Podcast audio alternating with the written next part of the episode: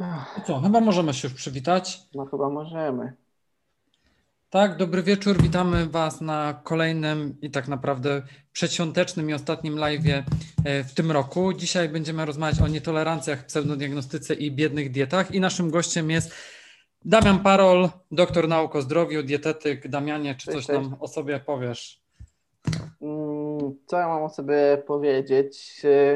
W sumie mm, pewnie przez część osób jestem kojarzony jako krytyk testów IgG, e, które nie mają jakiejkolwiek e, podstawy naukowej i powinny skończyć na śmietniku historii. E, mm, No, co więcej, no i jak, tak jesteśmy na wegańskim tubie, to pewnie ważne jest też to, że w swojej pracy naukowej zajmowałem się sportowcami na diecie wegańskiej. E, No i gdzieś tam ten temat diet wegetariańskich, wegańskich, roślinnych jest mi też e, bliski.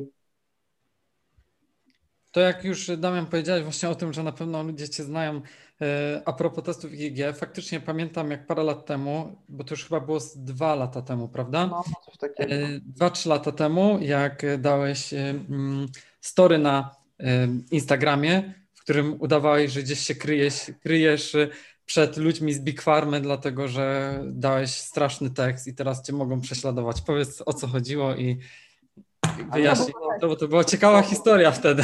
Chodziło o test, na tem- czy o tekst na temat testów IgG. No oczywiście tam na szczęście nikt mi krzywdy żadnej nie zrobił, aczkolwiek mam wrażenie, że są miejsca, do których mnie nie zapraszają po tym tekście, e, więc, więc to, to nie, nie obyło się bez jakichś tam strat, można powiedzieć. Mówię, można powiedzieć, bo prawda też jest taka, że, że tych wydarzeń jest tak dużo, że to nie jest mi jakoś strasznie szkoda, że na jedno mnie nie zaproszą, no ale, ale mam wrażenie, że, że tych zaproszeń jest mniej. Em, Natomiast ten, test, ten tekst oczywiście dotyczył testów IgG e, na te- nietolerancję pokarmowej. To jest, to jest bardzo ważne, bo teraz na przykład przeciwciała IgG się pojawiają w kontekście koronawirusa na przykład, ale to jest zupełnie co innego. Nie? To jakby to w ogóle nie ma co tego porównywać, bo e, czasami ludzie pytają, no a czemu na koronawirusa trzeba bada się przeciwciała IgG? E, Ja tam nie będę udawał, że jakoś znam na tej diagnostyce wirusologicznej, E, ale tyle co mogę powiedzieć, to, że to jest po prostu zupełnie, zupełnie inna historia i, e, i to, jest, e, to jest coś, czego nie można ze sobą porównać. E, Natomiast to, co nas interesuje z punktu dietetycznego, no to właśnie to, czy zrobienie testów e, na obecność przeciwciał IgG przeciwko antygenom pokarmowym daje nam jakąkolwiek informację dietetyczną. E, No i krótka odpowiedź jest taka, że nie, nie daje nam jakiejkolwiek informacji e, dietetycznej. Tutaj, jakby ktoś chciał bardzo, bardzo pogrzebać, to mógłby zauważyć, że gdyby rozbijać te przeciwciała IgG przeciwko antygenom pokarmowym na podklasy, czego się nie robi obecnie, to być może jakieś informacje to by mogło dostarczyć, ale to też jakby w stresie takiej, mm, w obszarze hipotez to jest cały czas, no może coś by to powiedziało ale na dzień dzisiejszy tego nie robi, na dzień dzisiejszy to tak naprawdę nam nic nie mówi. Niektórzy sugerują, że te mm, testy tak naprawdę mówią nam o tym, co jedliśmy ostatnio. E, I to przynajmniej częściowo jest prawda. To znaczy, rzeczywiście tak jest, że wychodzą rzeczy, które są jedzone przez pacjenta, ale to nie jest takie zero-jedynkowe. To znaczy, mm, pacjent może jeść jakiś produkt, a on w ogóle nie wejdzie w teście IgG, a są takie produkty, które jak pacjent je, to zawsze wychodzą w tym teście IgG.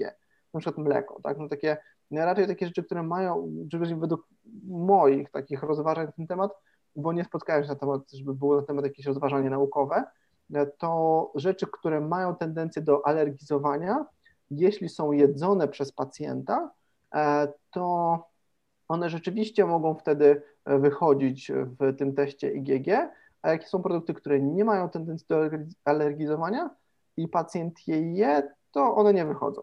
E, Co można tłumaczyć tym, że przeciwciała IgG przynajmniej w tej podklasie czwartej świadczą o tolerancji e, danego antygenu, e, więc po prostu organizm niejako sobie zapamiętuje ten produkt jako produkt, mm, który jest bezpieczny, który po prostu ma nie wywołać reakcji e, alergicznej. Tak to można, tak to można przedstawić i,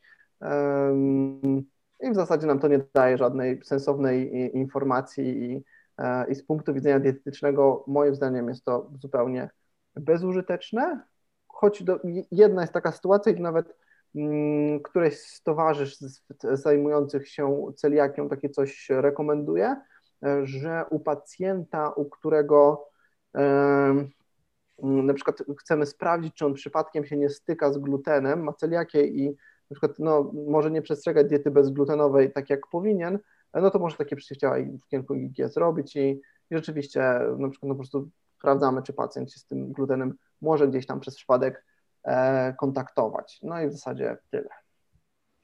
Damian, odpowiedziałeś na wszystkie pytania, które chciałam Ci teraz e, zadać. Ale to, to bardzo dobrze, bo ten live będzie akurat taki bardzo konkretny i krótki. E, no dobra, to teraz tak. E, wiemy, że te testy to pseudodiagnostyka. Mhm. E, cieszę się też bardzo, że napisałeś ten artykuł, bo pamiętam, że kiedyś rozmawialiśmy też o tym i też w ogóle w mhm. Towarzystwie Dietetyków rozmawialiśmy dużo na temat testu na nietolerancję, ale tak naprawdę Ty byłeś pierwszą osobą, która odważyła się napisać coś bardzo konkretnego w tym temacie i do tego artykułu możemy odsyłać tutaj wszystkie osoby. E, mówię o tym teraz też dlatego, że tutaj e, pytania są na e, YouTubie, gdzie można przeczytać na ten temat, mm. więc na blogu damianparol.com. Możemy wkleić też link na YouTube. Tak, wkleimy na pewno link. No dobrze, a powiedz mi, jacy, jakie osoby zgłaszają się często i często um, robią te testy IgG właśnie. Co skłania te osoby, które e, przychodzą do laboratoriów robić te testy, że, żeby po prostu decydować się na taką e, metodę? Mhm. Dla mnie tak naprawdę mm, ja widzę u siebie w gabinecie dwie albo trzy grupy pacjentów, którzy przychodzą z czymś takim. E, pierwsza grupa i być może najbardziej liczna to są ludzie, którzy chcą coś dobrego zrobić dla swojego zdrowia i im przychodzi do głowy, że jak oni zrobią te testy IgG i wyeliminują to, co im tam rzekomo szkodzi, no to oni po prostu zrobią coś dobrego dla swojego zdrowia, poprawią swoją dietę. E, I mm, to jest grupa pacjentów, która nie ma jakichś specjalnych objawów, ale oni po prostu coś by chcieli poprawić, coś by chcieli zrobić e, mm. dobrego dla siebie. E, to jest taka po prostu forma zadbania o siebie, tak? Oczywiście no nieskuteczna, ale, ale jakby na takim poziomie psychologicznym to o to chodzi. I Kolejne albo dwie kolejne grupy pacjentów, no to są osoby, które mają jakieś dolegliwości. I tutaj jakbyśmy to mieli dzielić, no to będą osoby, które mają prawdopodobnie jakąś alergię, ale jej nie diagnozowały do tej pory. I kolejna grupa to osoby, które mają jakieś dolegliwości ze strony układu pokarmowego, które nie są zdiagnozowane, ewentualnie nie udało się zdiagnozować, co to jest, bo to też się niestety czasem zdarza, to znaczy, że czasem pacjenci chodzą po, po lekarzach i oni albo dowiadują się, że to jest IBS bardzo szybko, co też jest w sumie błędem w sztuce ja to mam trochę za złe lekarzom, że oni potrafią mhm. na pierwszej wizycie pacjentowi powiedzieć, że on ma IBS, gdzie to jest tak naprawdę diagnoza z wykluczenia. Kiedy się wykluczy inne choroby, to można powiedzieć, że to jest IBS, ale na pierwszej wizycie ten magik wie, że to jest, że to jest IBS i to jest, to jest moim zdaniem coś, co jest bardzo nie w porządku w stosunku do, do pacjenta i po prostu niezgodne ze sztuką, ale to się zdarza. Nie? Przed takie osoby dowiadują że mają rzekomo IBS, no i on coś próbują z tym zrobić. No i między innymi właśnie wchodzi, e, wchodzą te testy e, IgG. No i, mm, no i te podejście do tych pacjentów jest, jest różne, tak? No bo jeśli mamy pacjenta, który nie ma żadnych objawów, no to w zasadzie trzeba z nim pogadać, że no nie wiem, może witaminę D byśmy po prostu suplementowali albo trochę poprawili kompozycję, jeśli chodzi o makroskładniki, tą mhm. dietę. I, I, to jest to, co możemy zrobić tak, dla ciebie, jako po prostu poprawiając swoją, swoją dietę. No osoby, które mają nietolerancję, czyli mają jakieś objawy, to trochę jest to niestety osoba, która niepotrzebnie albo za wcześnie trafiła do dietetyka. Dlatego, że dietetyk, e, pomimo że niektórzy dietetycy to robią, tak naprawdę nie ma żadnych uprawnień w kierunku diagnostyki. To są nawet mm, kontrowersje, czy dietetyk może sugerować e, pacjentowi badania krwi, tak? Czy po prostu dietetyk może powiedzieć, proszę zrobić te badania krwi, czy to w ogóle wolno coś takiego dietetykowi zrobić. E, natomiast e, to, czego na pewno nie wolno, to postawić diagnozę. Tego nigdy nie wolno zrobić dietetykowi, e, choćby miał nawet oczywiste wyniki badań, tak? no bo od tego jest po prostu lekarz i, i tym się powinien zająć. Dlatego taka osoba tak naprawdę najpierw powinna przejść przez kompetentnego lekarza, co nie zawsze jest, jest takie łatwe do, do znalezienia, mm, a potem może wrócić do dietetyka, który na podstawie diagnozy postawionej przez lekarza może zaproponować dietę, ewentualnie powiedzieć, że no niestety dieta w tym przypadku za bardzo nie pomoże, bo tutaj rozmawialiśmy tak, zanim włączyliśmy live na temat Helicobacter, to jest dosyć częsta przyczyna problemów z przewodem pokarmowym i mm, dosyć często to się, to się zdarza i tutaj na to nie ma żadnej diety, tak? No, żadną dietą nie jesteśmy w stanie nic z tym zrobić, więc, więc tutaj nie pomożemy. No dalej mamy na przykład SIBO, E, gdzie też dietą zrobimy z tym bardzo mało, może poza łagodzeniem jakichś tam objawów, ewentualnie wspomagania leczenia, ale no też generalnie no to jest temat dla lekarza.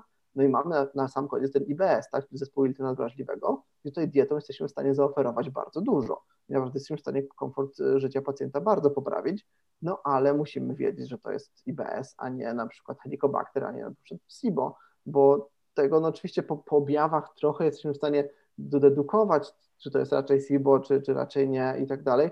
No ale no nie, taka jest nasza rola, nie my mamy narzędzia diagnostyczne, nie my bierzemy za to odpowiedzialność. My powinniśmy działać na podstawie diagnozy po prostu. Właśnie to, co, to, co e, powiedziałeś, jeszcze tak przemyślałem, bo myślałem o tym, nawet sobie to dzisiaj zanotowałem, że powiedziałeś właśnie, że my jako dietetycy nie powinniśmy robić niektórych rzeczy. To jest bardzo często odstawianie leków, e, e, mimo decyzji lekarza i tym podobne. Ja się akurat ze statynami często na przykład mm, już miałem styczność, że przyszedł do mnie pacjent, który był u innego dietetyka, tamtemu kazał odstawić statyny, lekarz mhm. E, mu wytłumaczył, dlaczego nie, wysłał do innego dietetyka i tym podobne, bo to ta kompetencja niestety działa w dwie strony, e, ale też się trzeba zastanowić nad tym, że niektórzy, niestety nasi koledzy i koleżanki także takie testy w swoich gabinetach e, wykonują. I też trzeba się zastanowić nad tym, czy oprócz tego, że wykonują, tak jak powiedziałeś, sugerują wykonywanie pewnych badań, to też czy posiadają do tego kompetencje, czyli przerwanie ciągłości skóry pacjenta i przeróżne inne rzeczy, które są potrzebne, więc no to jest jeszcze, jeszcze taka inna e, ciemna strona tej e, pseudodiagnostyki, o tak mhm. powiem. Tak, no to jeśli, jeśli wchodzi w grę nakłucie skóry, no to jest to problematyczne, tak? To z tego co wiem, to nie jest do końca jednoznaczne z punktu widzenia takiego prawnego, no ale na pewno jest ryzykowne, tak? Pewnie bardziej z punktu widzenia prawnego niż jakieś tam zrobienia. Tak, bo to z tego względu, że tutaj takie samo nakucie można zrobić jak przy pobraniu krwi do zbadania poziomu glikemii, tylko że tak. oprócz tego jeszcze zasady aseptyki, antyseptyki, e, odpady medyczne, przeróżne inne rzeczy, tak. które wokoło po prostu gdzieś tam są. No ale to jest już inna sprawa, nie? Ja jeszcze chciałam zwrócić uwagę na to, że pacjent, który, właśnie tak jak mówiłeś Damian wcześniej, który przychodzi z tymi wynikami testów, za chwilę jeszcze dojdziemy do tego, będziemy mówić, e, jak reagować może w takiej sytuacji, co e, powiedzieć takiemu pacjentowi. Mhm. Natomiast e, to, co jest super ważne, to, że w ten sposób możemy przeoczyć, znaczy pacjent może przeoczyć, że coś faktycznie się dzieje w organizmie, po prostu mhm. idzie robić testy. Bardzo często jest tak, że są osoby, które zgłaszają się na przykład do mnie, tak, do, znaczy do dietetyków, ale ja miałam takie przypadki, przypadki, dlatego mówię ze swojej perspektywy, które mówią, że zrobiły takie testy, czują się o wiele lepiej po wykluczeniu tych produktów z diety i przecież te testy na nie działają. I wiadomo, że jak ta osoba miała tą taką sobie powiedzmy dietę wcześniej, odstawi te produkty, tym bardziej, że często w tych testach wychodzą produkty, które jednak mają wyższą e, zawartość na przykład cukrów FODMAP, to faktycznie mhm. można e, czuć się mniej wzdętym, faktycznie można czuć się lepiej. Jeżeli ktoś odstawia gluten, to może czuć się lepiej, no bo wiadomo, odstawia ciastka, drożdżówki, mhm. pączki i tak dalej, ale czasem jest tak, że można przeoczyć e, poważną chorobę w ten sposób, po prostu idąc na testy, zamiast idąc do lekarza i faktycznie diagnozując się w ten sposób. I jak wcześniej powiedziałeś też, że nie ma diety na Helicobacter pylori, tak? Że można mhm. przejść na taką dietę, jeżeli mamy, jeżeli jest reflux, zgaga, jeżeli mamy te problemy, ale to jest element leczenia Helicobacter mhm. pylori, infekcji. Natomiast to nie jest tak, że my wyleczymy. I tak samo z SIBO jest e, i tak samo z tymi wszystkimi, z IBS-em i z tymi wszystkimi um, problemami, że musimy pacjenta wysyłać do lekarza. Jako dietetycy faktycznie myślę, że jest duży też problem z tym, że zawód nie jest regulowany prawnie, więc mhm ja e, myślę, że chyba ja nie, ma, nie miałabym nic przeciwko temu, że po prostu, żeby wysyłać pacjenta na wyniki badań, no bo my potrzebujemy tych wyników, tak jak mhm. potrzebujemy wyników cholesterolu, insuliny, glukozy i tak dalej, ale oczywiście e, pracujemy e, wspólnie z lekarzami, więc to jest tak, że my się zajmujemy w tym miejscu dietą. A jakie, że możemy po prostu przeoczyć te, te różne problemy zdrowotne i e, pacjent może po prostu dłużej cierpieć, może ta, e, ta cała choroba postępować. Nie zauważymy, że jest stan zapalny, robiąc takie testy. Więc jak przychodzi taki pacjent, e, co, co robisz, Damian? E, próbujesz wytłumaczyć, bo też ta pierwsza grupa, o której powiedziałeś, osoby, które robią testy, żeby coś dla siebie zrobić, tak, to u mnie też jest największa grupa. No Całe rodziny. Każdego myślę, że całe rodziny po prostu przegląd roczny i przy okazji była propozycja takich testów, to wykonujemy. Tak, prawda? Tak, bo to tam, Oglądasz no... te wyniki i tak, a tego nie bierzemy pod uwagę. tak, no, na przykład no, u mnie w przychodni e, była po prostu takie ogłoszenie, że można takie testy zrobić. E, to były te Food Detective bodajże i one są dosyć tanie, więc, więc no jeszcze, bo te testy potrafią też bardzo dużo kosztować. Taki podstawowy tak, właśnie ta cena to też jest ważne. On nie jest, nie jest drogi. No i ludzie to pewnie robili, no bo mm, bo to akurat tam jest tak śmiesznie, że jest taki, taka kolumna, no na tej kolumnie było to ogłoszenie i na, te, na tą kolumnę trzeba patrzeć czekając w kolejce do pobrania krwi, nie? Więc tam akurat świetne miejsce, tak tam e, świetnie zaplanowane, żeby, żeby kogoś namówić na to. Mhm. I na pewno parę osób na tej zasadzie zrobiło sobie te, te testy. To trochę jak w markecie przy kasie. Tak, tak. trochę tak. To są mi do głowy. To mi do głowy, że tak, tak to działa.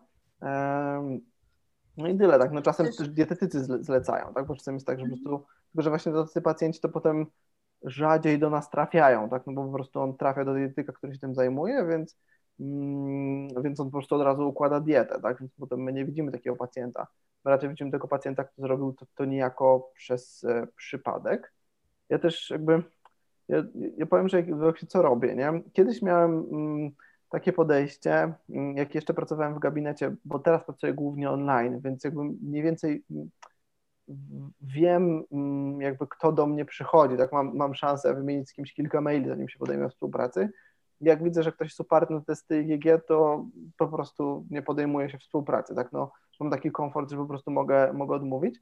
Natomiast w momencie, w którym przychodzili do mnie pacjenci do gabinetu i jakby no nie miałem tej, tego pierwszego kontaktu wcześniej, to miałem do tego takie podejście, że jeśli w tym teście, bo czasem tak było, e, że mm, wyszło na przykład, nie wiem, że ktoś nie może jeść jakiegoś selera na przykład albo czegoś takiego, e, to już mi się przyznam, czasem nie chciało tłumaczyć, że to jest bez sensu, tylko mówię, no dobra, to selera nie będzie, nie? No jakby, to nie jest jakby problem, tak można to zupełnie zignorować. E, I, I parę takich testów miałem, gdzie po prostu naprawdę nic nie było, w sensie, że naprawdę były jeden produkt i, i tyle, nie? E, no i wtedy, natomiast jak tych wykluczeń było dużo, e, no to wtedy to jest przed problem dla mnie, żeby ułożyć dietę. E, I, mm, no i dlatego też na przykład no, poświęcałem często połowę konsultacji na to, żeby wytłumaczyć, no, że to po prostu nie działa, no i to jest bez sensu i to po prostu utrudni mi ułożenie diety, a pacjentowi przestrzeganie diety, bo to też czasem mam wrażenie, że pacjenci że mają takie poczucie, że no oni płacą za dietę, więc no jakby no chcieliby, żeby ta dieta była jak najlepsza i e, no jakby trochę nie interesują się naszą pracą, tak, co w zasadzie no jakby nawet jest logiczne, tak, no bo jak ja oddaję samochód do naprawy, to też się nie zastanawiam, ile będzie mechanik naprawiał ten samochód i ile musi to pracy złożyć na sobie po naprawiony samochód. E, ale z drugiej strony dla pacjenta to też jest dużo trudniej przestrzegać takiej diety, tak, niezależnie jak dobrymi jesteśmy dietetykami, to zawsze jeśli mamy więcej wykluczeń, to po prostu mniejsze możliwości i nam trudniej jest taką dietę e, zwyczajnie, e, zwyczajnie ułożyć i rzadziej ona jest po prostu fajną, wygodną dietą, szczególnie jeśli ktoś ma jakieś ograniczenia, na przykład jest na diecie wegańskiej, bo też się czasem zdarza, że ktoś jest na diecie wegańskiej, gdzie wiadomo, że wypadają wszystkie produkty. Ja. Jeszcze się okaże, że strączki, na przykład jest uczulony na strączki, tak? E, i, i tyle, tak, to miałem kiedyś na przykład takiego pacjenta, ale to akurat była dieta FODMAP u niego, e, który, mm, e, który no, był bardzo aktywny fizycznie, potrzebował sporo energii w tej swojej, swojej diecie i mm, no i miał problem z FODMAPem, był na diecie wegetariańskiej. Na szczęście u niego laktoza nie była problemem i to trochę nas ratowało, ale on też miał tak, że miał takie doświadczenia życiowe, że nienawidził truskawek i wiśni. I to były, to były jedyne praktycznie, znaczy prawie jedyne, tam ananas jeszcze wchodzi, tam jest kilka takich o niskim podmapie tych owoców, ale on tych nienawidził, one akurat idealnie pasowały. No i, mm, no i na przykład ta dieta była, no, mm, no Biedna. była dosyć, tak, jakby nie była specjalnie jakaś taka różnorodna, no bo po prostu no, nie było z czego tego, tego czerpać, tak, i, i, i po, no, po prostu ciężko to było zwyczajnie ułożyć. No Ale zobacz, przynajmniej ten pacjent trafia do dietetyka, bo gorzej jest, jak jeszcze zrobi sobie te testy i stwierdzi, a to ja sam wykluczę te produkty, o no tutaj wykluczam wszystkie produkty, które zawierają wapń, w sumie nic nowego w, te, w to miejsce nie daje i zaczyna mhm. się cała inna karuzela innych sytuacji, dlatego że no, ja miałem takich pacjentów także, tak, którzy wykluczyli tak o sobie z przeglądu rocznego, e, zrobili testy, wyszła soja, seler, e, mleko, nabiał, wszystko i nieprawidłowo, tak jak przy dietach wegańskich, potrafią przejść i nieprawidłowo bilansować, no bo przecież można jeść same węglowodany, prawda, i nie mhm. szukać mhm. źródeł białka, no tak, tak samo mogą zrobić e, tutaj. No i myślę też, że jak rozmawialiśmy o tym e, zlecaniu, że też mm, no, to, że pacjent zrobi sam, tobie na pewno nie pomagało to, że na kolumnie w przychodni można było robić te testy, bo jak ten pacjent w tej przychodni te testy zrobił i jeszcze przyszedł do ciebie, no to faktycznie to była dość taka dziwna sytuacja, szczerze mówiąc. Znaczy to on, na szczęście to nie była przychodnia, w której pracowałem, to była po prostu przychodnia, która była niedaleko mnie bardzo. A, no to, no ale jednak przychodnia jest takim miejscem, które pacjent, jeżeli robi w przychodni, no to ma zaufanie do tego, że jest w miejscu medycznym, gdzie są wykształceni ludzie, lekarze, pielęgniarki, dietetycy i, i na pewno w to wierzy.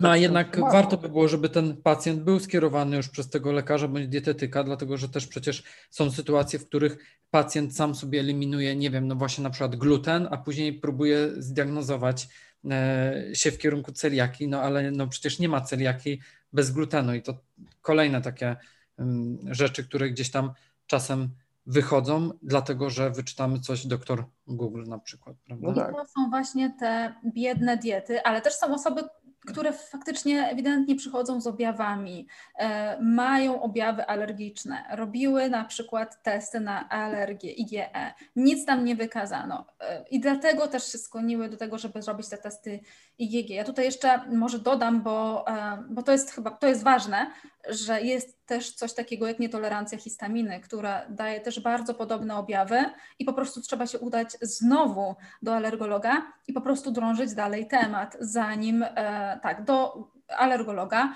do gastrologa, e, do endokrynologa i do dietetyka. Czasem bywa tak, że dietetyk zanim zacznie pracować z pacjentem, no, nie ma na czym pracować, bo tak jak powiedziałeś, Damian, że przychodzi pacjent z objawami, my nie wiemy, co jest, nie wiem, jak często Wam się zdarza, ale mi się zdarza często, bo mam takich pacjentów, co trafiają właśnie z różnymi dziwnymi objawami.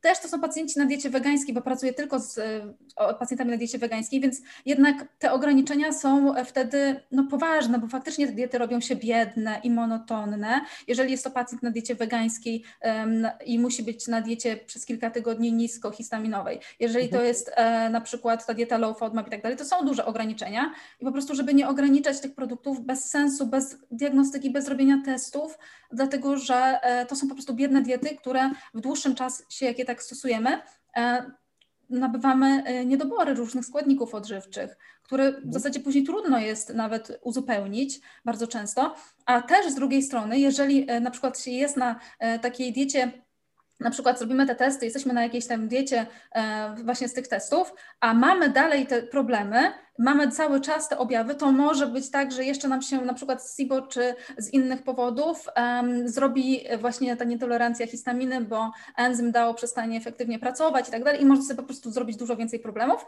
a często to się zaczyna w ogóle od helikobakter i później dalej idzie to SIBO i później do nietolerancji histaminy i mam takich pacjentów, co po prostu jest taka kaskada reakcji, a można było na początku zacząć się diagnozować e, faktycznie u lekarza, zamiast e, czekać z tym dłuższy czas. Mhm. I to są wtedy przechodzimy do tych biednych diet. No i te biedne diety, no nie wiem, czy zdarzało Wam się mieć takich pacjentów, którzy właśnie byli na takich bardzo, bardzo monotonnych dietach, co e, może nawet, no nie wiem, czy co, co tam się udało Wam rozwiązać, zrobić z nimi? Mhm. Znaczy, ja to mam takie doświadczenie, jeśli chodzi właśnie o, mm, o te właśnie wykluczenia, że nawet nie tyle pacjenci mm, mają jakieś duże problemy z tego powodu, że nie wiem, czy jakichś niedoborów, nie wiadomo jakich mm, do, e, dopracują, ale że nie po prostu tych diet nie przestrzegają za bardzo i, e, i często tutaj obowiązuje też takie myślenie, że przykład nie jedzą rzeczy, które e, są jakby wykluczone w tych testach, no chyba, że jest jakaś okazja, tak? A okazja jest akurat co weekend zazwyczaj. E, I, I na przykład oni po prostu jedzą no, zwyczajnie niezdrowo, tak? Po prostu dieta jest, e, znaczy dieta nawet jest niedoborowa, tylko że mm, jakby nie do końca nawet to jest problem, że oni ściśle przestrzegają tej diety, ale że naprawdę de facto jej nie przestrzegają, A. mając z tyłu głowy, że, że coś tam im może, może zaszkodzić. E, I, I to jest też takie, takie podstępne, bo, bo ludzie no, często mm, eliminując jakby mm, tak na co dzień te rzeczy, które rzekomo im szkodzą, no to eliminują rzeczy, które po prostu są zdrowe, a jak już zaczynają jeść jakby niezdrowo, nie pilnują diety, to bardzo często e, już im jest wszystko jedno, tak? Już nie patrzą to, że im pszenica wyszła i żeby ta pszenica jest w pizzy, tak, to już jakby w tym momencie nie ma znaczenia, to ma znaczenie, kiedy chleb kupują tak na poniedziałek, ale nie, nie kiedy jedzą pizzę. I to jest, to jest też moim zdaniem bardzo ważny problem. I wydaje mi się, że tutaj też e, trochę kłopot jest taki z tym, że e, my jako dietetycy mamy zupełnie inną perspektywę niż pacjenci. Jakby pacjentom, którzy dopiero próbują wprowadzić jakąś dietę, wprowadzenie diety się wydaje stosunkowo łatwe. No bo co to jest trudnego zjeść określone posiłki? To, to się nie wydaje jakieś specjalnie trudne, ale w praktyce to jest znacznie trudniejsze. E, I, I wydaje mi się na przykład mm, stąd my się, przynajmniej ja, boję jakichś radykalnych zmian w diecie, radykalnych wykluczeń i tak dalej, a pacjenci czasem nawet są typu dekscytowani, w sensie, że oni się jakby cieszą, że w sumie to tyle się zmieni w ogóle się na nowo życie zacznie. E, a prawda jest taka, że no niestety życie się na nowo wcale nie zacznie, a, a nasze nawyki ciągną nas dużo bardziej e, niż nam się wydaje, tak? Jakby e, po trzech, czterech dniach jedzenia powiedzmy bezglutenowo, to do nas te bułeczki zaczną ciągnąć, ten chleb bezglutenowy nam nie będzie smakował, e, albo się wydarzy coś, co sprawi, że się okaże, że wcale nie jest tak łatwo, bo na przykład e, trzeba po ten chleb bezglutenowy gdzieś pojechać, kupić, tak? Zawsze kupowaliśmy go na dole w Żabce, a teraz go nie ma na przykład, albo w ogóle nigdy go tam nie było i trzeba było kupić go w markecie, się właśnie skończył, a dziecko się właśnie rozchorowało, więc nie mieliśmy czasu, żeby się tym zająć. I jakby, jakby ta, ta rutyna taka codzienna, życiowa, no ona potrafi być bardziej wymagająca niż nam się wydaje tak z, z daleka i, no i wtedy się okazuje, że, że te diety no, są jeszcze biedniejsze niż musiałyby być. No jednak w końcu ta frustracja gubi człowieka, że tego nie je, no i tyle. No i to, że na je, jeden raz w tygodniu to może tak nie zaszkodzi, jakby co, codziennie po, po troszkę jednak. No, no niestety, no tak jest. To ja też z swojej praktyki to samo akurat mogę powiedzieć. No. Nie wiem, jak ty, Iwona. Tutaj, bo widzę, że jest dyskusja też odrębna e, na YouTubie. E, o, to ja już tam muszę zajrzeć. Zerknę, czy macie jakieś pytania do naszego gościa. Ja już patrzę, co tutaj się dzieje. No to jest jakieś tam lekkie opóźnienie, widzę, ale... Jest opóźnienie? Tak, ja takie malutkie. Ale jest aktualnie na żywo. Właśnie próbuję komentarze znaleźć, ale nie widzę. O, an eternal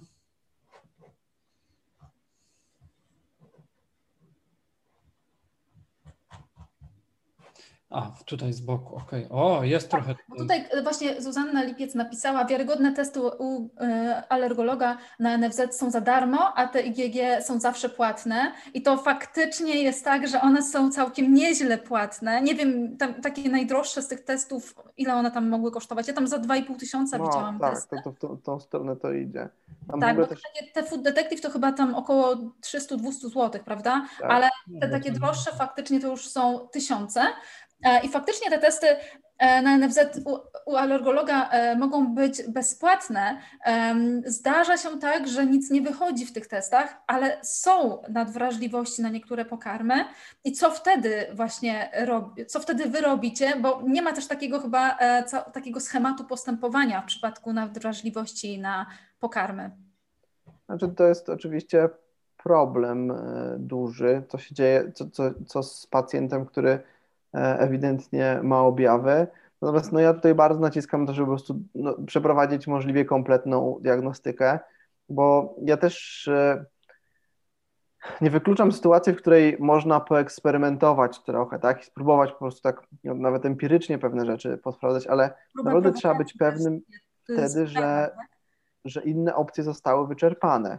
Ja, chyba mówiliśmy to jeszcze przed nagraniem, że bardzo często pacjenci, którzy przychodzą z testami IgG i mają jakieś objawy, nigdy nie zrobili e, badań w kierunku e, po prostu alergii, nie zrobili testów IgE. E, I, mm, i, i to jest duży, duży kłopot, tak? Znaczy po prostu ci pacjenci mm, nie, no oni po prostu nie są prawidłowo zdiagnozowani i E, i zrobienie mm, po prostu testów alergicznych e, jest znacznie lepszym pomysłem. Tutaj jeśli chodzi o te testy alergiczne, to jakby też są dwa rodzaje tych testów. To znaczy są te testy mm, takie podstawowe e, i on, je się bada na ekstraktach po prostu. I co mnie w ogóle mega zdziwiło kiedyś, to że te ekstrakty są niestandaryzowane. Znaczy, to jest po prostu ekstrakt z jakiegoś produktu, który mm, E, jest e, na tej płytce. E, do tego się podaje mm, chyba osocze po prostu i, no i przeprowadza ten test ELISA i że te, te, mm, te ekstrakty są niestandaryzowane, nie ma na to standardu żadnego. Ja byłem tym mega zdziwiony. To znaczy teoretycznie może być tak, że u kogoś w związku z tym, że te białka są dosyć skomplikowane jednak, to że może być tak, że przy jednym teście komuś nie wyjdzie, a przy innym wyjdzie. Na przykład, bo akurat Mm, akurat przeciwciała się łączą z innym fragmentem białka i na przykład na tej akurat płytce on nie był wyeksponowany z jakiegoś powodu. Nie są jakieś takie super typowe sytuacje, ale takie coś się może zdarzyć. E, I, i tutaj trochę z pomocą przychodzą te testy, um, uciekła, mi, e, uciekła mi nazwa, to są testy molekularne. I um, i te testy molekularne, one po prostu tam są wyizolowane konkretne cząsteczki, e, które alergizują, tak, konkretne białka mleka, innych produktów i tak dalej. I te testy są bardziej wiarygodne, natomiast e, one mają dwie wady, e, a właściwie może trzy. Są trudniej dostępne i, i po prostu też mniej lekarzy o nich wie, mniej lekarzy je poleca. Są bardzo drogie, bo one są jak testy IgG albo droższe nawet no i w zasadzie, a, no i trochę trudniej się interpretuje też. To tam jakby interpretacja ich jest, e, jest dosyć, dosyć skomplikowana, więc na pewno to jest coś do zrobienia dla kogoś, kto um, kto po prostu dalej. ma dalej objawy, a testy te podstawowe nic mu nie wykazały. Tak, no to wtedy można w to pójść. Tak z marszu, no to moim zdaniem to nie ma sensu tego robić, szczególnie przy tych cenach. No chyba, że ktoś ma tak, że no budżet się dla niego nie liczy, no to, to można coś takiego, takiego wtedy, wtedy zrobić e, i, i wtedy, mm, wtedy rzeczywiście to coś daje. Co jest zaletą tych testów, to na przykład e, łatwiej się mm, w tych testach analizuje te alergie krzyżowe, bo można dokładnie wiedzieć, czy, czy rzeczywiście na przykład mm, kto, u kogoś występuje alergia, która jest związana z białkiem, które występuje w innych produktach, albo bardzo podobne białko występuje w innych produktach, więc tutaj pod tym względem, mm, pod względem się to, e, wydaje to taką korzyść. No ale znowu to jest taka rzecz dla kogoś, kto, kto no raz, że ma pieniądze, bo one chyba są nierefundowane w żadnych okolicznościach, a dwa, no naprawdę wyczerpał już możliwości diagnostyczne wcześniej. I trzeba też się zastanowić pewnie, na ile te objawy e, są bardzo, znaczy jak jest z tymi objawami, też pewnie lekarz, też lekarz alergolog myślę, że powinien o tym zdecydować, czy robić te testy. Tak, tak, no to, to jest tutaj oczywiście dla, dla alergologa, chociaż chyba nie wszyscy alergolodzy sobie zdają sprawę, że jest taka, taka możliwość i to, i to polecają. Um, I I to zresztą nawet w tych takich wytycznych dla alergologów, to e, no raczej się poleca właśnie, żeby zacząć od tych testów po prostu IgE podstawowych, a później iść w tą mhm. stronę. E, to też jest moim zdaniem zawsze ważne, jeśli chodzi o diagnostykę. No niby nie się tym nie zajmują, ale, ale powinni, powinni jakby też mieć tego świadomość, że mm, zawsze warto zaczynać od tych badań, które są po prostu najtańsze, tak, bo to jest jakby ważne kryterium, a dwa do badań, które których spodziewamy się, że one nam dadzą najwięcej informacji. E, a nie na takiej zasadzie, że mm, mamy umowę z firmą, która sprzedaje testy IgG, więc polecamy testy IgG, mm, nawet jeśli u kogoś na przykład objawy ewidentnie świadczą o SIBO, czy czymkolwiek, e, czymkolwiek, e, czymkolwiek innym. I, i, I w tą stronę idziemy, tak? To jest, to jest jakby powinno zawsze być takie też przemyślane, tak? tak jakby nie robimy badań naraz i nie robimy badań też od tych najdroższych do, do najtańszych, tak? bo, to jest, bo to jest bez sensu. Jednak no, ja mam takie zdanie, zresztą to jest takie zdanie, które często się przebija w, oso w osobach, które um, pracują w, w takiej publicznej opiece zdrowotnej, ale moim zdaniem w przypadku takiej prywatnej to też, też tak się powinno do tego podchodzić, no, że, że też liczymy te pieniądze, tak? Czy po prostu zastanawiamy się, czy, e, czy jeśli możemy zrobić badanie, które kosztuje mniej po prostu, a da nam te same albo prawie te same informacje, jak badanie, które kosztuje więcej, to robimy to badanie, które kosztuje mniej. Tak no jakby zawsze musimy się zastanowić, czy to warto, tak? Czy to tak. po prostu te pieniądze są ekstra, um, ekstra warte. Um, ja na przykład, nie wiem, w sumie to też jest dobry temat, tak, żeby sobie przedyskutować, jeśli chodzi o, o witaminę B12 na przykład.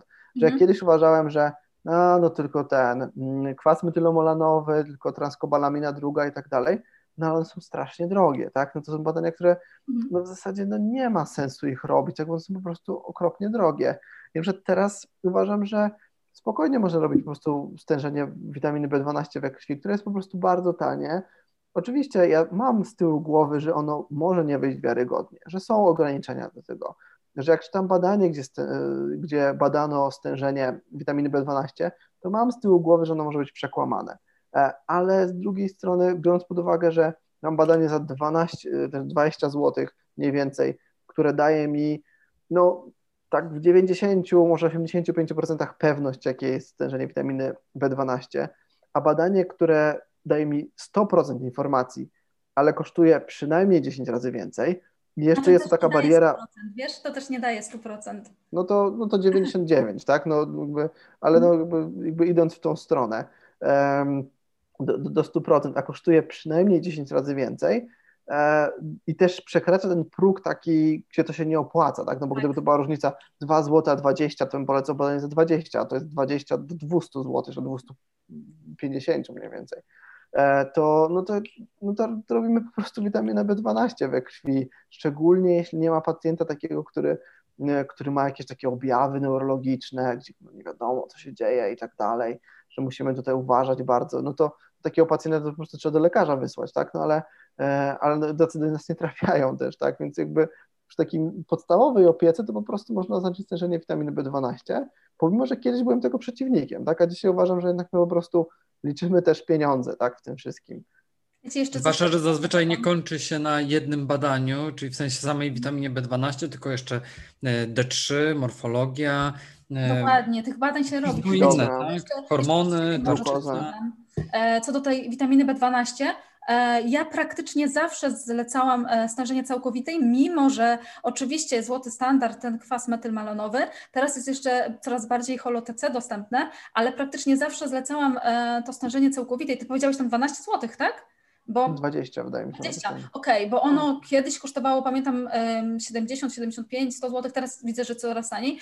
Nie wiedziałam, jaka teraz jest cena, ale chodzi ogólnie o to, że my mamy podejrzenie, że jest niedobór, i wiadomo, że najpierw się obniża stężenie witaminy B12 w mięśniach, później to HoloTC, a później ta całkowita, dopiero później to widzimy w morfologii. Mhm. Ale jeżeli już widzimy w morfologii te zmiany, że to ewidentnie jest albo kwas foliowy, albo witamina B12 i wiemy, że ta osoba na przykład nie je mięsa, albo ma problemy żołądkowo-jelitowe, albo ma w ogóle jakieś ogólnie widzimy, że ma objawy i że no raczej na 100% jest to B12, no bo nie suplementowała, to e, faktycznie badanie w tym miejscu kwasu metylmalonowego mija się całkowicie mhm. z celem. Ja zazwyczaj w takim miejscu od razu polecam suplementację i dopiero zbadanie B12 za jakiś czas i faktycznie wtedy widać, że jest na przykład 200-300, to znaczy, że był duży niedobór, ale czasem się zdarza, że polecam e, najpierw zbadać, później suplementację, w zależności od tego, jaki tam jest też niedobór, ale jeżeli my widzimy, że tam jest ten niski poziom, to znaczy, że w mięśniach jest na 100% bardzo niski poziom i jakieś tam rozeznanie z tego mhm. całkowitego poziomu B12 mimo wszystko jest, więc faktycznie, jeżeli to jest, e, tak, jeżeli to jest e, tanie badanie i ogólnie można wszędzie zrobić, a my możemy w ten sposób dobrać suplementację, to po co narażać pacjenta na większy koszt? Faktycznie e, jestem tego samego zdania, dokładnie. Tym bardziej, że wtedy pacjent robi jeszcze inne badania, jeszcze dodatkowo, więc i tak wyjdzie y, nawet czasem parę stów, jak Michał powiedział. Tak, no, tak a są jest- jeszcze droższe, bo tutaj nawet takie pytanie padło. E, e, co sądzicie o testach genetycznych na profil żywieniowy? No to jest też taka nowość, która teraz wchodzi e, na rynek tak naprawdę. Ja, ja widziałem kiedyś takie te, znaczy to no, różnie firmy to robią, ale mm, mm, jakby cały opis tego badania wyglądał w ten sposób, że e, jak ktoś miał dobrą rzekomo tolerancję tłuszczu, e, to mm, miał napisane, że powinien jeść około 30-35% energii z tłuszczu, a jak ktoś miał kiepską, to powinien jeść 25-30. I mówię, no to super, nie?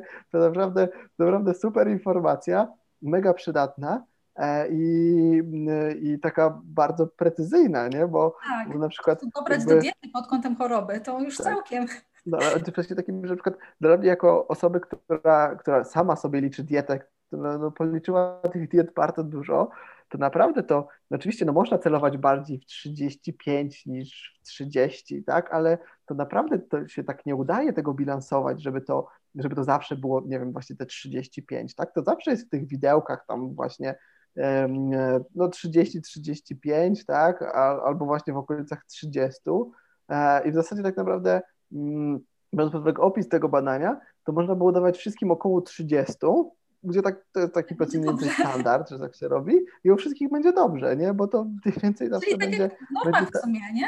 Czyli tak Tak, jak tak, w zasadzie Tak, bo to dokładnie to chodziło, że to jakby, że jak, jak ktoś miał rzekomo tą lepszą tolerancję, no to do, proponowano mu górę normy, a jak ktoś miał niż e, tą gorszą, to, to, mu- to dół normy, nie? I w zasadzie, w zasadzie tyle. Em, I to jest taki mniej więcej mój komentarz do tych testów genetycznych, to znaczy ja uważam, że te testy genetyczne, one mogą nam przynieść jakieś informacje, tak jakby ja, ja się bardzo temu przyglądam i, i moim zdaniem mm, ja, ja mam nadzieję nawet, że kiedyś z tego wyjdą jakieś takie rzeczy, które naprawdę będą nam przydatne, które, które będziemy mogli oznaczać. No dzisiaj na przykład te, mm, szczególnie w sporcie, na przykład te, mm, te, te testy w kierunku metabolizmu e, i generalnie reakcji na, na kofeinę. Tam są bodaj trzy geny, które, które się oznacza i one rzeczywiście dają pewne informacje, tak, o tym, e, o tym, jak e, suplementować tą kofeinę u sportowca, czego się należy spodziewać i tak dalej, to, daje pewne informacje. Tak nie mówię, że one są jakby warte tych pieniędzy, nie mówię, że też nie da się tego inaczej zdobyć, bo, no, bo też po prostu, no, jak, e, nawet chyba jest takie badanie, myślę, że czegoś nie zmyślam, ale mm, że analizowano, e, czy ludzie lubią kawę i jak dużo tej kawy piją e, i porównywano to ich do profilu genetycznego. No i co się okazało? Okazało się, że jest bardzo silna korelacja między tym, ile ludzie piją kawy e, i jak szybko metabolizują kofeinę i jeszcze jak lubią kawę. Więc jak ktoś tam mówi, że on lubi, pije dużo kawy, lubi, dobrze się czuje, to on prawdopodobnie dobrze na nią reaguje i, i to jest jakby informacja, którą potrzebujemy. I to jest informacja, która nas kosztowała 0 złotych. E, a mm, jak na przykład e, myśmy zrobili testy genetyczne, w sumie nie wiem, ile kosztuje taki metabolizm kofeiny. Nie wiem, czy da się tak z, z, tylko te geny z kofeiną związane oznaczyć, bo zwykle one są w pakietach. E, No ale musimy coś za to zapłacić, tak? Się, że kilkaset złotych. Mm, Więc no, to jest tak mniej przydatne, c- czy jakby mniej opłacalne, tak? Natomiast ja nie wykluczam, że kiedyś nam te badania genetyczne dadzą trochę więcej informacji, czegoś będziemy mogli się spodziewać bardziej, ale na dzień dzisiejszy na przykład ja, ja tego nie polecam, bo po prostu uważam, że z tego e, nie wynika zbyt dużo. Natomiast jak na przykład pacjent mi przyniesie coś takiego, no to, to chętnie przeglądam, bo, e, bo to z takiej zawodowej ciekawości, tak potem się zastanawiam, czy na przykład czy rzeczywiście tak jest, że jak e, że wyszły mu niby te geny związane z metabolizmem e, węglowodanów czy tłuszczów, to czy on rzeczywiście lepiej zareaguje na taką określoną, e, określoną dietę. E, I, I tyle. Tutaj też może jedną taką rzecz bym dodał, że moim zdaniem też jakby poza samymi informacjami, które nam nadają te badania genetyczne, to ich interpretacja jest dosyć trudna. To znaczy zmiana w e, polimorfizmie jakiegoś e, genu tak naprawdę no jeszcze nie oznacza, że powinniśmy wprowadzać jakieś zmiany w, diecie albo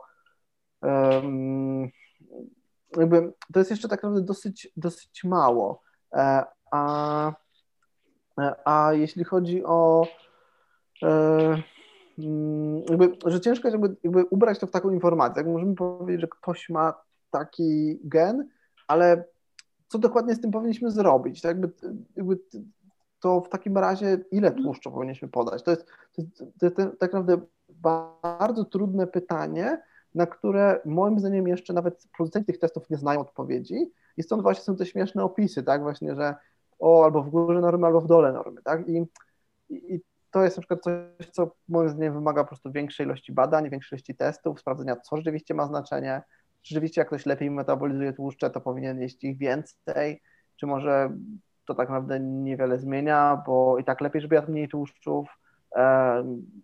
No to są też takie pytania, moim zdaniem, na dzień dzisiejszy bez odpowiedzi. No ale zobacz, jak to też e, może skomplikować życie, bo to też i od strony finansowej, i od, stro, od strony po prostu takiej, e, takiej po prostu przygotowywania posiłków. No bo po pierwsze kupujesz te testy za grube pieniądze, później się dowiadujesz, że masz 35% tłuszczu jeść, idziesz do dietetyka, płacisz dietetykowi za dietę i później co? Jesteś na tej diecie cały czas, żeby pilnować e, tych 35%, albo robisz to wszystko w aplikacji, czyli pracujesz na drugi etat i robisz sobie po prostu mm, cały czas wpisujesz sobie z aplikacji to, to jedzenie i po prostu y, masz tutaj swoją pracę, dom, rodzinę, wszystko, ale pilnujesz cały czas, żeby było 35% tłuszczu. E, to też już pod zaburzenia, e, zaburzenia odżywiania by podchodziło, jak ktoś cały czas, cały czas po prostu by tego pilnował. To no też trochę zależy od tego, jaką kto wagę do tego emocjonalną przykłada jakby jak to się z tym, z tym czuje. Ja osobiście liczę sobie swoją dietę w, w aplikacji, e, ale to ma taki wymiar bardziej sportowy i ja też podchodzę do tego dosyć na luzie, to znaczy czasem mi się zdarza przekroczyć nawet e, o 500 e, kalorii, sporadycznie nawet o 1000 kalorii, w makro to trafiam rzadko nawet, ale, ale daje mi to pewne informacje, gdzieś tam sobie to, to koryguję i, i dla mnie to jest ok na przykład ale też są ludzie, dla których to jest duże obciążenie, tak? bo oni po pierwsze nie mają to czasu, a poza tym, że bardzo przeżywają to. Nie? Że, Właśnie że... myślę, że też brak wiedzy trochę tutaj w to też e, wchodzi i, i te osoby nie potrafią w ogóle w żaden sposób wyluzować, tylko są już nakręcone i takie mają aż e, ortorekcyjne zachowania po prostu, tak? No bo co tak. powiedzieć, prawda? Dobra, to tak, zbliżamy się do 21, to może podsumujmy, czyli tak, e, wysyłamy pacjenta do e, alergologa, endokrynologa, gastrologa, do specjalistów, którzy zajmują się danym tematem. My się zajmujemy dietą. Jeżeli ktoś tutaj jest e, z osób, które mają jakieś objawy, najpierw udajemy się do lekarzy, później się udajemy do dietetyka, robimy coś z dietą. Jeżeli nie wychodzi nic w tych badaniach, Możemy popracować e, opcjonalnie na dzienniczku żywieniowym, czyli po prostu sprawdzać, zapisywać e, codziennie swoje posiłki i sprawdzać, po czym czujemy się źle i po jakimś czasie po prostu wychwycimy z jadłospisu to, e, co nam może szkodzić. Może to być cebula, może to być czosnek. W przypadku e, zespołu jelita nadwrażliwego też dobrze mhm. się sprawdza dieta low FODMAP, jak już zdiagnozujemy wszystkie inne problemy i faktycznie zostanie nam ta dieta i po prostu też to jest ważne, że nie przechodzimy na takie diety eliminacyjne, czyli na tą dietę low FODMAP na całe życie, bo, bo też niektóre osoby myślą, że na całe życie się na to przechodzi, a ta dieta służy temu, żeby po prostu wykryć, które te cukry e, nas, e, na które z tych cukrów mamy mniejszą tolerancję i po prostu jakie po prostu e, z diety no, jakie znaleźć właśnie w naszej diecie. I to jest takie podsumowanie. Czy coś chcielibyście jeszcze dodać do tego podsumowania, Damian? Że to ja bym dodał właśnie, że rzeczywiście zacząć od lekarza. Jak ktoś ma jakieś takie mega naprawdę, w, że po prostu nie chce do tego lekarza pójść, no to samemu nawet się diagnozować, no ale diagnozować się takimi metodami, które są uznane przez naukę, czyli właśnie intolerancję, czy intolerancję IgE chciałem powiedzieć, e, bo mnie też to bawi, że można by było powiedzieć o alergiach intolerancję IgE i ja się założę, no by się lepiej wtedy sprzedawało, gdy mówić, no to jest sobie intolerancję na IgE, IgE zależny, nie? czyli alergię, po prostu alergię, ale nazwać to nietolerancją, one by się wtedy lepiej, lepiej sprzedawały. E, no ewentualnie właśnie helikobakter też co można dosyć łatwo zbadać, czy, czy ewentualnie jakiś te test wodorowy na SIBO zrobić, czy nietolerancję laktozy na przykład. Ale też przy, jeszcze dodam, że przy problemach żołądkowo-jelitowych też często jest niedoczynność tarczycy, bo e, też spowalnia się metabolizm i też może to być. E, tak, że gdzieś indziej jest ten problem, tak? Tak, więc po prostu trzeba znaleźć, znaleźć przyczynę i najlepiej jednak iść do internisty i po prostu. Tak, oczywiście. Znaczy tak. Ja, ja się w pełni zgadzam, chociaż niestety obserwuję coś takiego, że są ludzie, którzy wolą nie pójść do lekarza. Tak, ja też to niż, obserwuję. E, znaczy niż pójść, tak? W sensie, że, że wolą mieć jakieś problemy niż pójść do, do lekarza, tak? No, to wynika pewnie z wielu rzeczy, natomiast no, no nie powinno mieć miejsca, e, ale tak się dzieje czasem. To, co jeszcze bym dodał, to a propos um, FODMAP-u, to uważam, że trzeba też bardzo uważać na te tabele, które są w internecie. Bo ja kiedyś włożyłem sporo pracy w to, żeby te tabele dobrze podsumować, jakby porównać ze sobą, E, i, i one niestety często są po prostu błędne i często są w nich błędy e, i, i często też na przykład ludzie nie do końca rozumieją te tabele, mm, bo na przykład ja mam taką przygotowaną tabelę FODMAP-u i na przykład dosyć często informacją, którą ja dostaję od pacjentów e, jest to, że na przykład, dobrze, ale czemu winogrona mogę, rodzynek nie? I bo, no bo mm. przecież to jest to samo, nie? no ale jakby stężenie, koncentracja tego jest, znaczy tutaj fruktoza akurat jest po prostu znacznie e, większa w, w, w rodzynkach. E, I tutaj na przykład. E, jak Też porcja ktoś... ma znaczenie wtedy. Tak, tak. Rodzynek. I tutaj polecam bardzo ten, polecam bardzo aplikację, która jest mhm. przygotowana przez Uniwersytet Monash. Monash. Tak, oni tak, też mają kurs dla dietetyków i bez. No znaczy, tak, mają. Tak, też właśnie robię. Ja chciał go zrobić mhm. w ogóle. O, ja właśnie ja robię ten kurs, to możemy później tak? o nim tak? pogadać. O, spoko. No właśnie, tak, ja tak się przed egzaminem. zrobić. No. Właśnie ta aplikacja FODMAP, tutaj może ją będzie widać, o, z takim jelitkiem mhm. niby. E, I ona, o, to będzie może lepiej ją widać. O, oczywiście się odbija. Ona no. jest no. po prostu aplikacja FODMAP Monash University e, w, w tak. każdym telefonie. Ona jest płatna, płaci się raz i można ją zainstalować czy tam na iPhone. tak, ale, ale oni ją rzeczywiście rozwijają, rozwijają tą tak. bazę i to jest bardzo fajne w tej aplikacji, bo że ona nie jest jakaś super wygoda do korzystania, jak sobie chcemy coś tak mm, porównywać różne rzeczy, e, ale ona podaje ilości FODMAPu też w zależności od, e, od, od porcji i podaje, mhm. który FODMAP e, jest tutaj problemem. No, mhm. te, te, te, takie kółeczka to jest właśnie E, konkretne FODMAPy. Tak, ale oni mają też fajne artykuły u siebie na, na blogu, też na stronie, mhm. więc ja ostatnio, e, ostatnio, jakiś już czas temu, też znalazłam bardzo ciekawe badanie, oni zrobili właśnie, że, e, bo wykiełkowane, my wiemy o tym, że wykiełkowane strączki mają mniej cukrów FODMAP, ale okazało się, że niektóre strączki po wykiełkowaniu mają jednak więcej, bo ciecierzyca ma więcej FODMAP niż przed kiełkowaniem, soczewica akurat mniej, więc oni cały czas to, cały czas coś robią, cały czas e, coś tam, oni się właściwie tym zajmują i to jest taka najbardziej wiarygodna organizacja, mhm. która się tym zajmuje, tak. więc tak, polecamy jak najbardziej. Więc jak, jak gdzieś szukać informacji o FODMAPie, to, e, to tam najlepiej zdecydowanie i właśnie tej aplikacji i też sobie po prostu prześledzić, e, prześledzić właśnie te, te produkty. I też na przykład moim zdaniem dosyć dobrą taką rzeczą, taką, takim, takim skrótem trochę, jeśli chodzi o FODMAP, to jak e, mi pacjent mówi, że ma problem z czosnkiem albo z cebulą, to bardzo często to jest FODMAP. To jest jakby, tak. jak ktoś mówi, że ja źle toleruję mm, mm, cebulę i czosnek ewidentnie, sacharydy. Tak. To, to bardzo często to się okazuje FODMAP. Potem to jest taka od razu taka, taka flara, nie? że, że, że tak. o, tutaj może być z FODMAPem. Potem problem, jak ktoś to u siebie obserwuje, to, to warto się nad tym też zastanowić. Tak, pod kątem cukrów można się czasem właśnie też pytać, e, tak jak powiedziałeś, tym czosnkiem, cebulą, czyli na przykład te frukt, fruktany e, z warzyw, czyli czosnek, cebula, por, tutaj też brokuł będzie się zaliczał do tego i tam te różne rzeczy, czyli po prostu jak się pytamy pacjenta, że on nie toleruje tych rzeczy, faktycznie to można tutaj mhm. nakierować go trochę już, e, to, żeby udać się do gastrologa i że coś tutaj jest faktycznie z tym zespołem i ten wrażliwego. Ale tak samo jak na przykład manitol występuje w grzybach czy w kalafiorze i często jest tak, że ktoś nie toleruje e, kalafiora, to nie toleruje też boczniaków i też nie toleruje mhm. innych grzybów, więc tutaj... Znaczy, to jest pytanie, jak e, Iwona, ty już tym siedzisz, pytanie jest, czy, a czy jakaś rzetelna darmowa aplikacja jest tutaj też ludzie... Ale ona nie jest jakaś bardzo droga ta aplikacja No, Forma. niestety nie, właśnie nie to jest kłopot, ile ona kosztuje, ale ona jest z tymi darmo, darmowymi Ona jest aplikacjami. jednorazowo się płaci i y, chyba to jest jedyna taka rzetelna, tak mi się wydaje. Wydaje mi się też, że warto, jeżeli ktoś ma naprawdę takie problemy i to jednak Oni, warto. mają, chyba, oni też mają kanał na YouTubie, to też można ich sobie tam po, pooglądać. Bardzo fajne mają filmiki o tym, jak cukry FODMAP w jelicie powodują e, właśnie ściąganie wody do jelit, jak powodują wzdęcia, jak powodują te różne problemy. Takie animacje fajne. To za, zapraszam tam, możecie sobie obejrzeć.